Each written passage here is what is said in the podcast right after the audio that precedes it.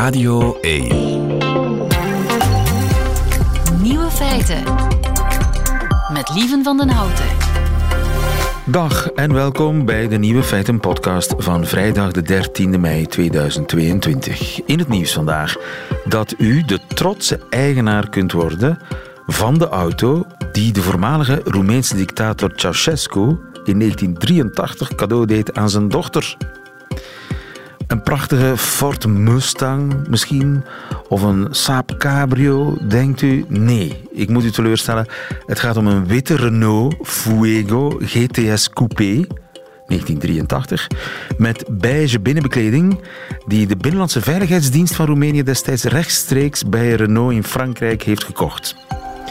Met zijn 96 pk, 1,6 liter motor en automatische versnellingsbak is de Fuego GTS niet bepaald sportief te noemen. En de kilometerstand staat van het voertuig en het onderhoud, dat is allemaal niet bekend. Maar de instelprijs bedraagt amper 500 euro. Koop je? Volgende donderdag, de 19e mei, gaat die onder de hamer bij de Roemeense veilingsite Artmark. Doe er uw voordeel mee. De andere nieuwe feiten vandaag. Sander van Horen, de NOS-man in Brussel, die keek met grote ogen gisteren naar de persconferentie van Wouter Beke. Terroristen die doen het vooral voor het geld, blijkt uit onderzoek van de Universiteit van Leiden. Pijnstillers kunnen de pijn soms verergeren, blijkt uit onderzoek in Amerika. En vleermuizen die kunnen zoomen als een wesp. En dat doen ze om uilen af te schrikken. De nieuwe feiten van Nico Dijkshoorn die hoort u in zijn middagjournaal. Veel plezier. Kan een pijnstiller de pijn juist erger maken? Wel, uit onderzoek in Amerika blijkt van wel. Jolien Hendricks, goedemiddag. Goedemiddag. Jolien, jij bent onderzoeker, uh, doctoraatstudent uh, aan de VUB en aan de KU Leuven. Je onderzoekt chronische pijn. Dat klopt, ja. Er is onderzoek gebeurd in Amerika bij een honderdtal mensen met acute rugpijn. Wat is er bij die mensen precies onderzocht? Ja, ze hebben dus eigenlijk gekeken naar het uh, transcriptoom. En dat wil eigenlijk zeggen uh, dat ze gaan kijken naar welke genen in de cellen van die mensen actief zijn. Um, en ze hebben daarbij gekeken naar mensen die uh, na drie maanden nog altijd lage rugpijn hadden, hadden, maar ook naar mensen die na drie maanden geen lage rugpijn meer hadden. En ze hebben dus eigenlijk gezien dat dat transcriptoom anders is in die twee mensen. En het opvallendste verschil was eigenlijk dat er vooral heel veel genen actiever waren um, die betrokken zijn bij het immuunsysteem. En die waren vooral actief bij de mensen die na drie maanden geen pijn meer hadden. Ja. Dat wil dus eigenlijk een beetje um, aantonen dat de ontstekingsreactie... Er, valt iets, maar er is niks aan de hand. Excuseer. ja. Maar, maar dus, uh, dat is eigenlijk... Ja, zeg maar ook. Dus de, de, de, één groep had geen problemen meer, een andere groep had wel problemen. En was ja, er een verschil in klopt. wat die mensen hadden toegediend gekregen qua pijnstillers? Nee, niet wat uh, de mensen hadden toegediend gekregen. Dat is eigenlijk in een ander stukje van het onderzoek. Want ze hebben eigenlijk ook een onderzoek uh, gedaan in diermodellen. En daar hadden ze dus eigenlijk ook hetzelfde gedaan. Ze hebben diermodellen van pijn um, onderzocht. En ze hebben een deel van die muizen um, ontstekingsremmers gegeven. En de muizen die de ontstekingsremmers kregen, die kregen eigenlijk chronische pijn. En de muizen die geen ontstekingsremmers hebben gekregen, die, hun pijn werd eigenlijk veel sneller beter. Dus dat wil eigenlijk, uh, ja, momenteel worden er heel veel ontstekingsremmers voorgeschreven voor bijvoorbeeld lage rugpijn, omdat dat ook pijnstillend werkt.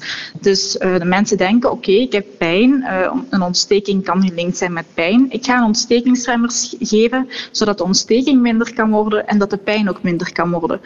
Maar dit onderzoek toont dus eigenlijk aan dat dat misschien helemaal niet zo'n goed idee is, um, omdat die ontstekingsreactie blijkbaar wel heel belangrijk is voor het lichaam om die acute pijn aan te pakken en te voorkomen dat de acute pijn eigenlijk overgaat in chronische pijn. En dat zou dan kunnen verklaren waarom de ene mens uh, na x aantal tijd van zijn rugpijn verlost is en de andere niet. Dat kan één van de factoren zijn. Natuurlijk, pijn is iets heel complex, dus het gaat niet één ding zijn dat verklaart waarom dat de ene persoon um, wel geneest en de andere persoon niet. Maar het nemen van ontstekingsremmers kan inderdaad wel bijdragen aan die ontwikkeling van de chronische pijn. Ja, want eigenlijk is een ontsteking een genezingsproces. En als je dat gaat onderdrukken door uh, ontstekingsremmende pijnstillers, dan kan je acute pijn misschien wel weggaan, maar dan maak je van die acute pijn chronische pijn. Dat is eigenlijk de, in, in gewone mensentaal uh, het mechanisme wat speelt. Ja, inderdaad, dat kan. Het, het, uh, het acute effect van die ontstekingsremmers kan dus inderdaad zijn dat die pijn op dat moment minder gaat zijn. Maar op de lange termijn um, hadden in dit onderzoek dan specifiek uh, de ontstekingsremmers eerder een negatief effect. Nu, of dat we dat direct naar de praktijk kunnen overbrengen, dat kan natuurlijk nu nog niet. Er zijn nog veel meer onderzoeken voor nodig uh, die specifiek daarop gaan kijken en in mensen ook gaan kijken naar oké, als we nu mensen de ontstekingsremmers geven en we geven een deel van de mensen geen ontstekingsremmers, hoe evalueert die pijn dan? Kunnen we dan inderdaad zeggen van oké, als uh, ontstekingsremmers worden genomen, dan is die kans veel hoger om chronische pijn te ontwikkelen dan als er geen worden genomen. Dus er zijn natuurlijk wel nog opvolgonderzoeken nodig. Het is nog maar een eerste aanwijzing, maar er zit een zekere logica in, in afwachting van betere en andere en, en preciezere onderzoeksresultaten.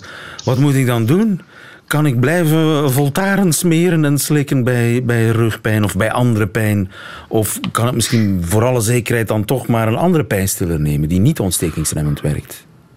Goh, dat is natuurlijk altijd aan de dokter zelf om te beslissen. De dokters kunnen ook uh, in het bloed nog voor elke patiënt um, specifiek gaan kijken hoe zien die ontstekingswaarden in het bloed eruit um, en op basis daarvan een beslissing nemen. Maar het is wel iets dat de dokters ja, eigenlijk beter meenemen, dit onderzoek, hè, als ze hun beslissing gaan maken. Want het kan misschien inderdaad beter zijn om een pijnstiller te nemen die geen uh, ontstekingsremmer ontstekingsremmend effect heeft dan eentje die het wel heeft. Uh, dus dat zijn inderdaad zaken waar je rekening mee kan houden.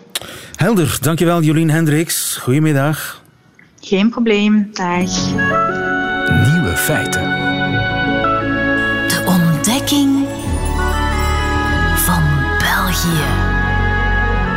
En het is weer vrijdag. Dat betekent eh, dat hier aanschuift Sander van Horen, de NOS-man eh, in Brussel.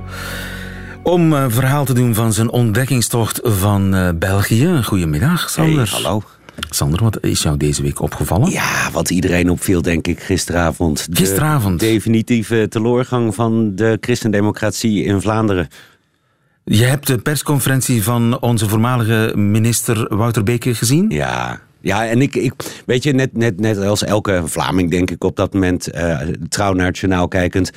En we gaan schakelen en je, je denkt, nou ja, maar eens even kijken. Niet zozeer wat er gezegd wordt, want dat was al wel bekend. Maar vooral hoe het gezegd wordt. Ja, en ik werd echt wel heen en weer geslingerd tussen een soort medelijden... en een soort plaatsvervangende schaamte en een soort ja, besef van, uh, oké, okay, uh, succes er maar mee, uh, Sami Madi. Dus ja, nee, het, is, het, het, was eigenlijk wel een mix van emoties. Ja, de, de meest opvallende quote is deze, dat hij eigenlijk, ja, sneert naar, naar ons, naar, naar, ons? naar de journalisten. Of Beste journalisten, ook politici, zijn maar mensen.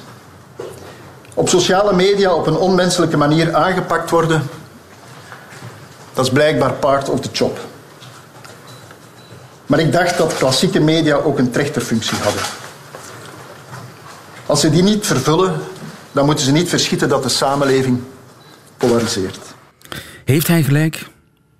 Nou ja, voor een deel misschien. Uh, kijk, de, de, de, samenleving polariseert. Uh, de media polariseren voor een deel mee. En je hebt uh, als, als, denk ik, klassiek medium vooral verslag te doen van wat er gebeurt. Dus op het moment dat er veel geruzied wordt binnen een partij. Op het moment dat iemand knullig opereert en daardoor onder vuur komt te liggen. Dan is dat een deel van het nieuws. En op dat moment, ja, dat is het nadeel van nieuws. Nieuws gaat vooral over dingen die misgaan. En wat minder over dingen die goed gaan. Want dat is letterlijk geen nieuws. Ja, dan kan je je beklagen over het feit dat het onvoldoende belicht is wat uh, Wouter Beke goed heeft gedaan. Maar ja, dan had hij niet dingen ook heel erg fout moeten doen. Dan was het allemaal anders gelopen. Dus ik vond het een beetje, ja, weliswaar waar. Maar ik, ik vond het ook vooral heel onhandig dat hij dat op dat moment deed. Ja, want eigenlijk heeft hij wel een punt dat de klassieke media de voorbije jaren de neiging hebben om de sociale media ja, achter, achterna te hollen?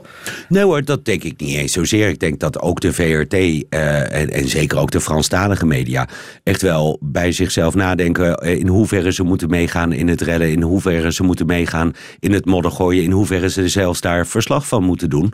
Maar... Jij denkt het valt echt wel mee. Die, die klassieke media hebben echt gewoon serieus hun werk gedaan en ja, pijnpunten aangewezen. Nou ja, en Wouter Beke heeft op zich ook wel uh, zijn best gedaan om het goed te doen. Maar heeft ook zijn best gedaan om dingen uh, steken te laten vallen. En op het moment dat hij daar binnen zijn eigen partij vooral ook heel veel kritiek op krijgt. Op het moment dat hij iets zegt en daar door de huidige partijvoorzitter in een opiniestuk op terecht wordt gewezen. Dan heb je een feit waar je als klassiek medium, zoals de VRT, gewoon van hebt uh, verslag te doen. Want dat zegt iets over hoe het die partij vergaat. En dat vond ik eigenlijk wat hij gisteren ja, uiteindelijk dan toch niet goed heeft gedaan. Door dit soort opmerkingen ook op het moment dat waar is. Wat hij zei gisteren. Ik wil een schone lei maken voor de nieuwe partijvoorzitter. Waarvan iedereen ervan uitgaat nu dat dat Sami Medi gaat worden dan moet je dit niet doen. Dan moet je op dat moment je kaken op elkaar houden. Schrijf een boek, publiceer het over een jaar. Schrijf daarin dit van, uh, van je af. En dan,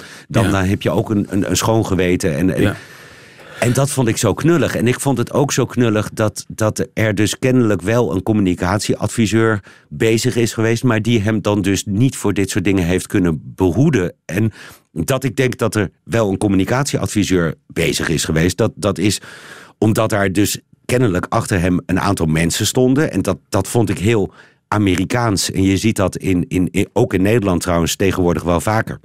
Je, je, je straalt daarmee uit dat je niet alleen staat, dat je gesteund wordt. Je gezin is erbij.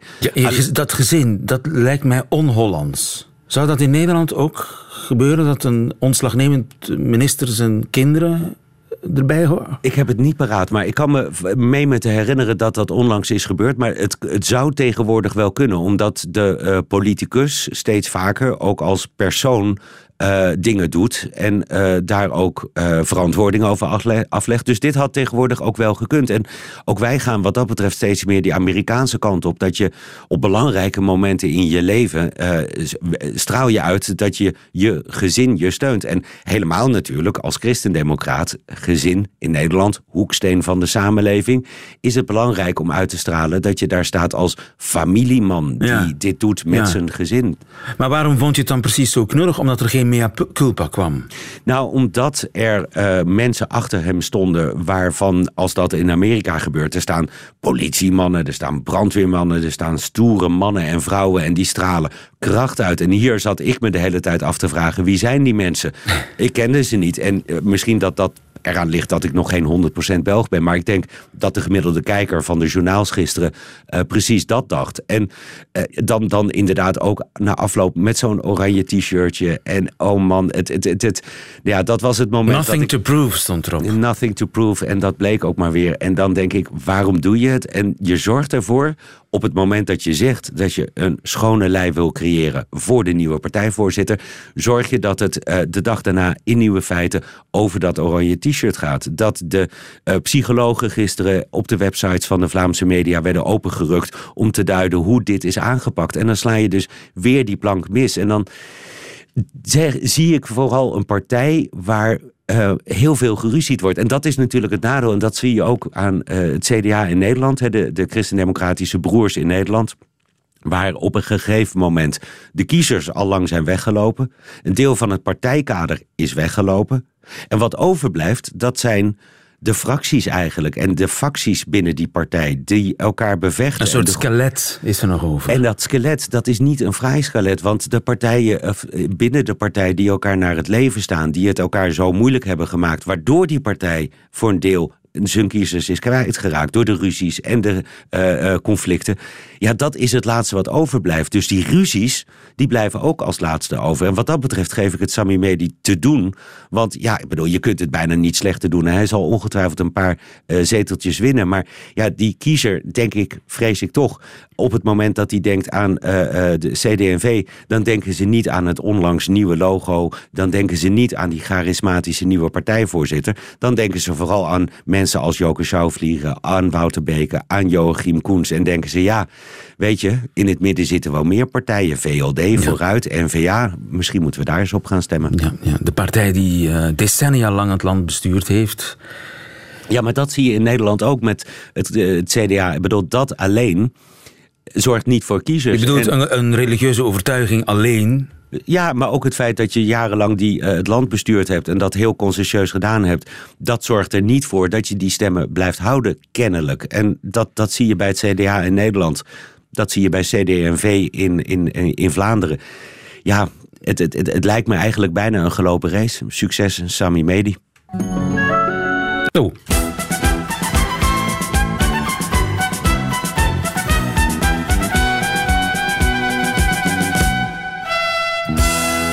Examen Vlaams. Ja, door mijn dikke vinger zat ik op het verkeerde knopje te drukken. Dat is niet de eerste keer. Nee, hè? succes, Sami Madi, maar ook succes. Lieven, ja. Sander van Horen. Oh, sorry, ja. In, in, de, in het examen Vlaams. Wat is een effort? Een poging. Nee. Hmm. Doe eens een effort. Moeite, ja. Ja. Ja, oké, okay, dat bedoelde ik met een poging. Oké. Okay. Ja, effort, okay. ja. Ja. Zouden wij zo nooit zeggen hoor. Nee, maar je begreep hem wel. Je bent hard op weg om als toch dat diploma Vlaming en Belg te halen. Hè? Mm -hmm. De deadline komt dichterbij, hè? Ja. Dat weet je. Zeker.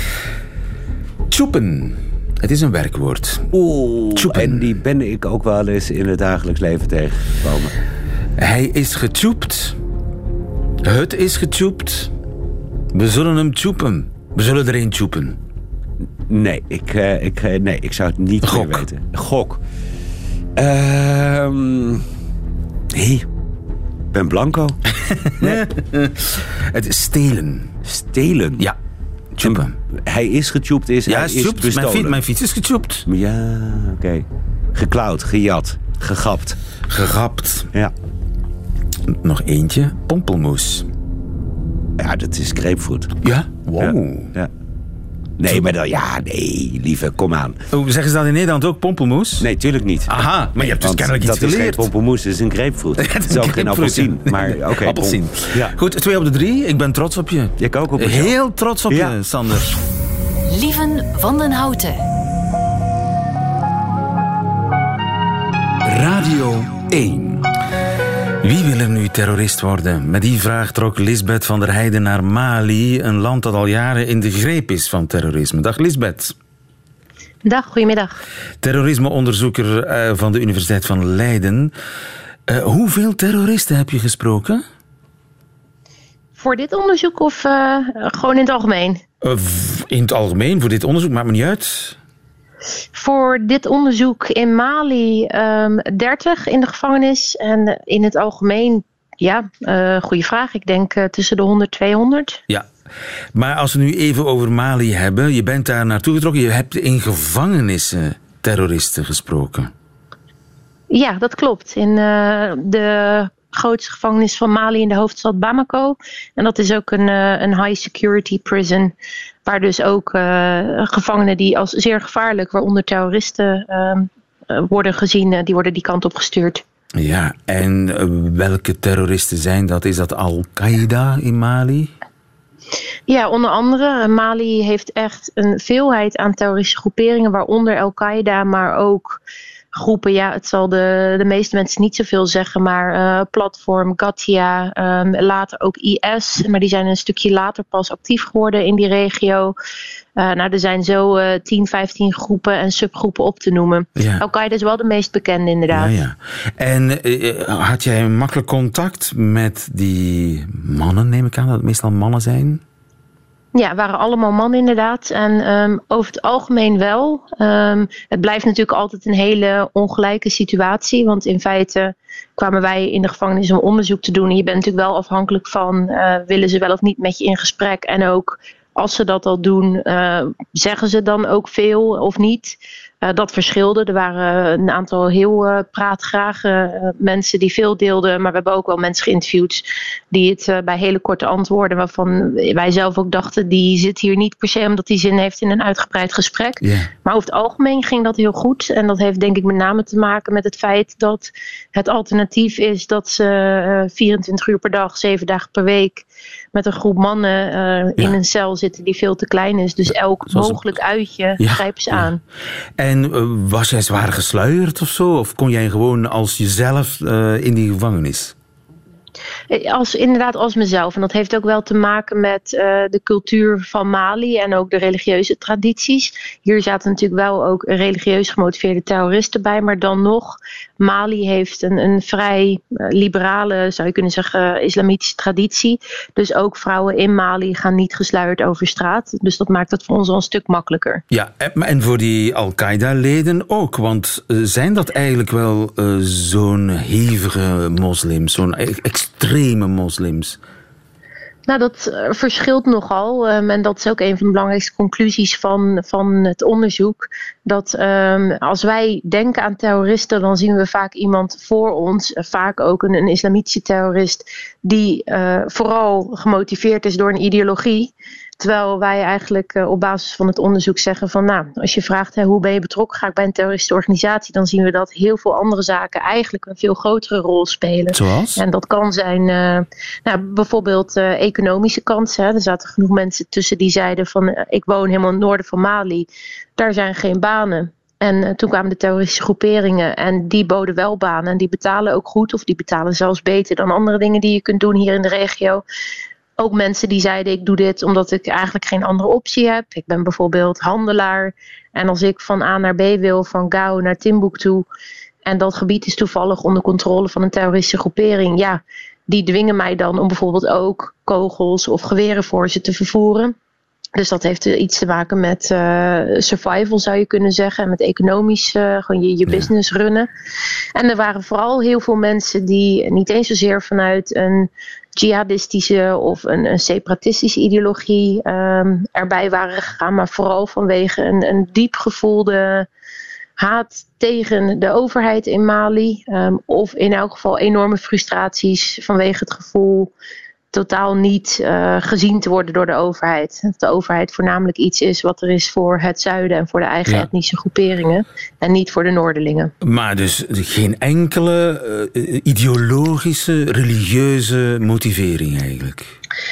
Nou, die waren er wel. Alleen wat wij gewoon hebben gedaan is uh, vragen en gewoon noteren wat ze zeiden. Er was niemand die zei motivatie en dat is alleen maar dit. Het was altijd een mix. Maar we hebben gewoon letterlijk geteld van hoe vaak horen we nou bepaalde dingen terug. En ideologie hoorden we ook. Maar van de zeven thema's die we hebben gevonden, waaronder dus inderdaad de relatie tussen de overheid en, en burgers, economische kansen, eh, bescherming of veiligheid. Ideologie was de minst teruggehoord. We hebben wel een paar gesproken hoor, die zeiden van uh, ik ben bijvoorbeeld Tuareg, ik zat bij MNLA en uh, ik wil uh, autonomie in het noorden. Ik wil Azawad, dat is een hele oude benaming voor dat gebied. Ja. Dat dat gewoon een eigen territorium is. Ja, dat is een stuk dat politiek, maar dat, is niet extreem religieus in elk geval. Ge, dus dat, dat komt helemaal achteraan of achteraan bengelt dat ergens in de, in de motivaties. Is dat iets typisch voor Mali, omdat je zegt ik heb nog veel andere terroristen gesproken, of is dat iets typisch voor terroristen? Nou, ik denk dat dat dus inderdaad iets typisch voor terroristen is. Ik denk wel dat er heel erg toedoet over welk land of welke culturele of historische context je spreekt.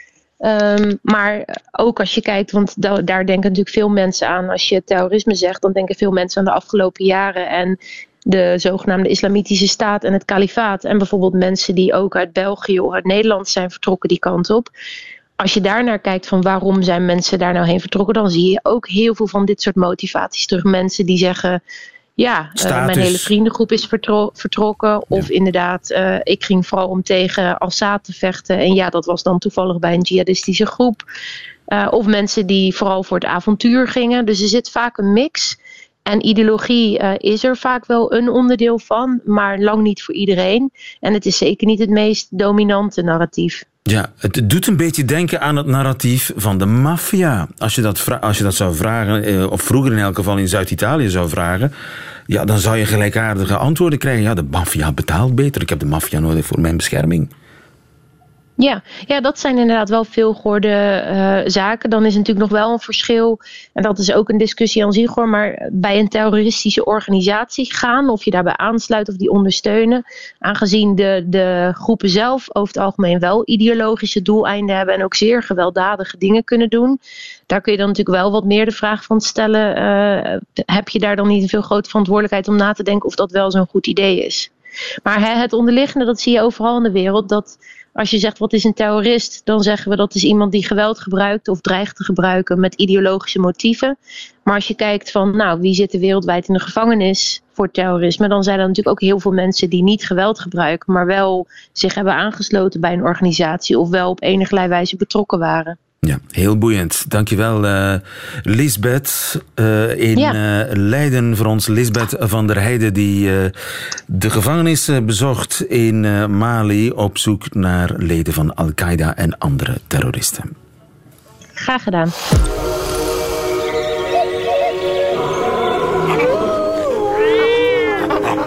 Nieuwe feiten. Quizvraagje: welk dier is dit?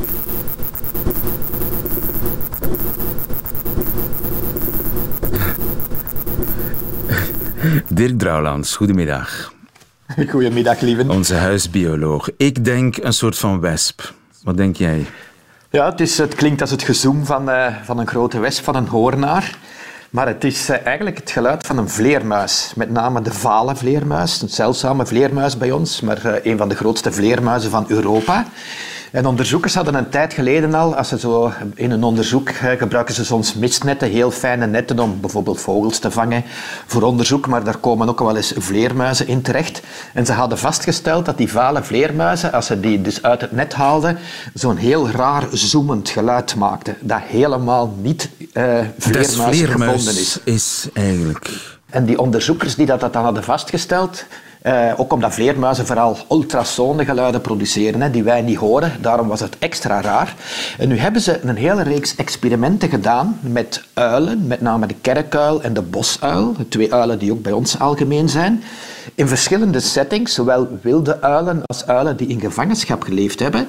En ze hebben die geconfronteerd met zowel het geluid van echte hoornaren, het gezoem, als het, uh, het geluid dat die vale vleermuizen produceren. En wat blijkt nu? Die uilen schijnen dus te denken, als ze dat gezoem van die vleermuizen horen, dat er een uh, wespenzwerm op hun afkomt en dat ze dus maken dat ze weg zijn, omdat dat ook potentieel voor hun gevaarlijk kan zijn. Aha. Dus blijkbaar heeft die vleermuis in de loop van haar evolutie op passieve wijze geleerd dat zoomen nuttig is voor de overleving. Want dat maakt de uilen bang. Ja, dus, eh, en dat is iets dat in de natuur uh, regelmatig voorkomt. Uh, dat, dat dieren uh, gevaarlijke soorten nadoen om zelf ook bescherming te krijgen tegen eventuele aanvallers. Maar het was nog nooit vastgesteld dat een vleermuis een insect nadoet om vogels af te schrikken. Wat dat evolutionair een, een, een onwaarschijnlijk rare combinatie van... Ja, want van, begin er maar eens aan, hè, als vleermuis. Ik bedoel, je hebt ja. niet van die vleugeltjes. Waar, waarmee moet je dan dat, dat gezoom maken? Dat lijkt mij al technisch heel ingewikkeld. Ja, en het zit dus ook nog op de juiste frequentie om maximaal effect te hebben op de uilenoren. Dus het is echt wel, uh, die evolutie die is echt in staat, als ze tijd genoeg heeft, genoeg heeft om, om echt de waanzinnigste dingen uit te dokteren, om het, uh, om het leven van dieren eigenlijk te vergemakkelijken. Maar het is een soort toneelspelen om de vijand af te schrikken en dat is courant in het dierenrijk. Ja, er zijn prachtige voorbeelden van. Hè. Het, uh, ook op, op basis van vleermuizen bijvoorbeeld. Er zijn motten tijgermotten met name, die eigenlijk slecht smaken voor vleermuizen en die ook een bepaald geluid uh, uh, uitsturen om die vleermuizen te waarschuwen dat ze slecht smaken. Dat is iets typisch ook. Hè. Dus bijvoorbeeld de vuurwansen in onze tuin, hè, die rood-zwart gekleurde wansen die altijd algemener worden. Ik heb daar nu toevallig voor de knak van volgende week mijn beestje van gemaakt, dus, dus ik ben een beetje op de hoogte van hoe dat, dat dier functioneert. Die is rood-zwart om te signaleren aan vogels, blijf van mij af, want ik ben potentieel gevaarlijk, want ik heb wat gif in mij. Dus motten kunnen dat ook doen naar vleermuizen, maar er zijn dan andere vlinders die geleerd hebben die motten eh, geluiden van die, van die giftige motten na te doen om vleermuizen te misleiden. Dus die denken van, oei, dat is een potentieel giftig beest, daar blijf ik af. En omgekeerd zelfs zijn er mannelijke motten van bepaalde soorten die de ultrasone geluiden van vleermuizen dan zelf nabootsen om vrouwtjesmotten uh, schrik te doen krijgen. Die bevriezen dan en dan kunnen ze gemakkelijker gaan paren. Dus misbruik op, op, op alle niveaus is echt wow. ingebakken in de natuur. Ja. Dat is, dat, dat, dat is next level. Sorry, hè? Maar, ja, maar dus je, je, je, je seksuele uh, prooi doen bevriezen door ze te laten denken dat er een roofdier uh, op hen afkomt en vervolgens uh, erop springen. Jeetje. Ja, voilà. Als er in de mottenwereld een hashtag MeToo zou komen, Juist, zou, ja. deze, Juist, ja. zou deze een zware case zijn. Ja. Dat is om Weinstein jaloers te maken ja, ja, zijn er genoeg. Hè, ja. Het, is, het is grappig, want ze hebben dat eigenlijk vooral eerste instantie, want dit is nu op basis van geluiden, maar ze hebben dat in eerste instantie op visuele prikkels kunnen aantonen. Ze hebben dus bijvoorbeeld vlinders gevonden in het Amazonewoud, die als twee druppels water gelijken op giftige soorten. Dus die giftige vlinders die zijn heel kleurrijk om te signaleren aan potentiële aanvallers dat ze giftig zijn. Maar er zijn er andere vlinders die die kleuren hebben overgenomen zonder dat ze investeren in gif, omdat die dan zo mee profiteren van die extra beschermingsmaatregel. En dat kan zo ver gaan dat er van sommige vlinders die vrouwtjes zo sterk gelijken op een giftige soort, dat die mannetjes zich vergissen en regelmatig achter een fout vrouwke aangaan. Ja. Dus, het, eh, dus die mimicry die kan echt zeer, zeer, zeer gedetailleerd uitgewerkt worden. Ja, eh, toneel in de natuur, als het ware. Absoluut. Je moet natuurlijk waken voor een balans. Als er te veel naapers komen, te veel profiteurs, dan, dan, dan werkt het niet meer. En blijkbaar ligt die limiet ergens op 15 procent. Dus, dus het moet een beetje in balans blijven. Want als er te veel niet-giftige tussen zitten, dan verliest die signaal, signaalfunctie ook voor de giftige soorten hun waarde. En doen rupsen dat ook? Maar er zijn, er, zijn, uh, er zijn rare situaties beschreven, ook in de vlinderwereld. We hebben een heel zeldzaam vlindertje bij ons, dat heet het Gentiaanblauwtje. Mooi blauw vlindertje in heidegebieden, dat afhankelijk is van een zeldzaam bloemetje, namelijk de klokjes Gentiaan, voor zijn overleving. Maar dat heeft het zichzelf heel moeilijk gemaakt, want die rupsen van die vlinder, die hebben voor hun groei mieren nodig. En die laten zich dan van het bloemetje vallen op de grond. Die bootsen dan dus de, de chemische signalen van mieren na, waardoor dat die mieren denken van oei, dat is een verloren gelopen mierenlarve. Dus die nemen die vlinderrups mee naar hun nest. En ene keer in dat nest gaat die rups dan het geluid, zo'n soort raspend geluid van de mierenkoningin nabootsen, waardoor dat die extra voeding krijgt. Het is zo'n absurd systeem dat je echt denkt van deze kan bijna niet door de natuur zijn uitgedokterd. En toch gebeurt het. En dat is dus dit geluid? Dat is dan blijkbaar het geluid dat die rupsen maken om dus aan die mieren de, de indruk te geven dat ze eigenlijk een mierenkoningin zijn. We gaan eens luisteren naar de echte mierenkoningin. ja, je moet, ja. je moet al een hele slimme mier zijn om het verschil te horen. Ja, het wordt op twee verschillende manieren geproduceerd. Dat is dan nog het rare eraan. Maar het effect is, uh, het effect is exact hetzelfde. Dus het is eigenlijk misleiding en bedrog. Het zit werkelijk zo diep ingebakken in de natuur. Het is, het is bijna verontrustend. Dankjewel, Dirk Drouwlands. Goedemiddag. Goedemiddag, lieve. Nieuwe feiten. Ziezo, en dat waren ze meteen de nieuwe feiten van vandaag, de 13e mei 2022. Alleen nog die van Nico Dijkshoorn krijgt u nu in zijn middagjournaal. Nieuwe feiten. Middagjournaal. Beste luisteraars, het voelt een beetje vreemd om helemaal niets te zeggen over het onwaarschijnlijke succes van België op het Eurovisie Songfestival.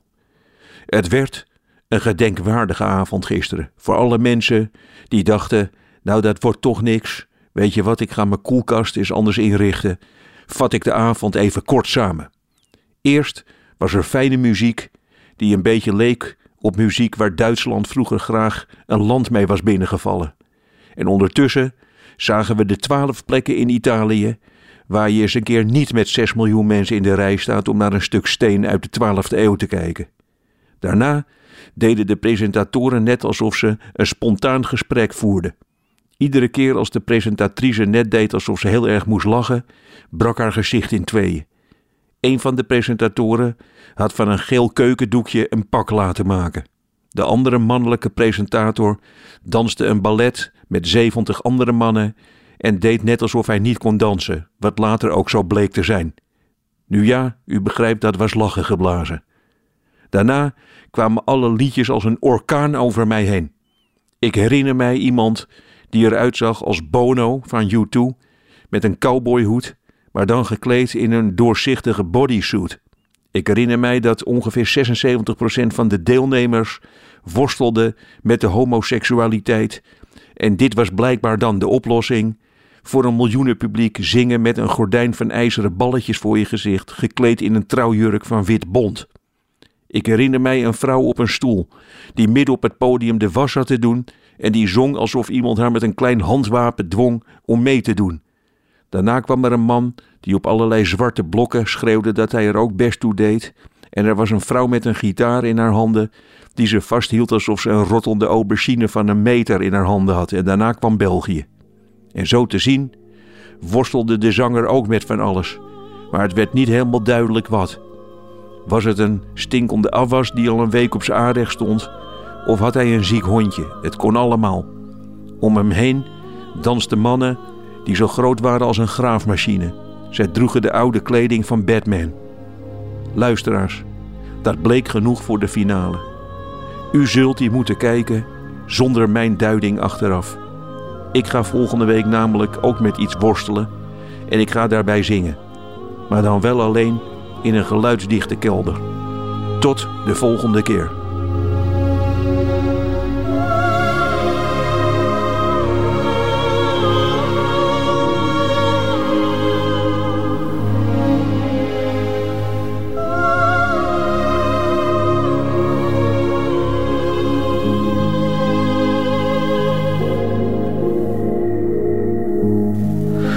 Het middagjournaal met Nico Dijkshoorn. Einde van deze podcast. Hoort u liever de volledige nieuwe feiten met de muziek erbij? Dat kan natuurlijk via radio1.be of de Radio 1 app. Tot een volgende keer.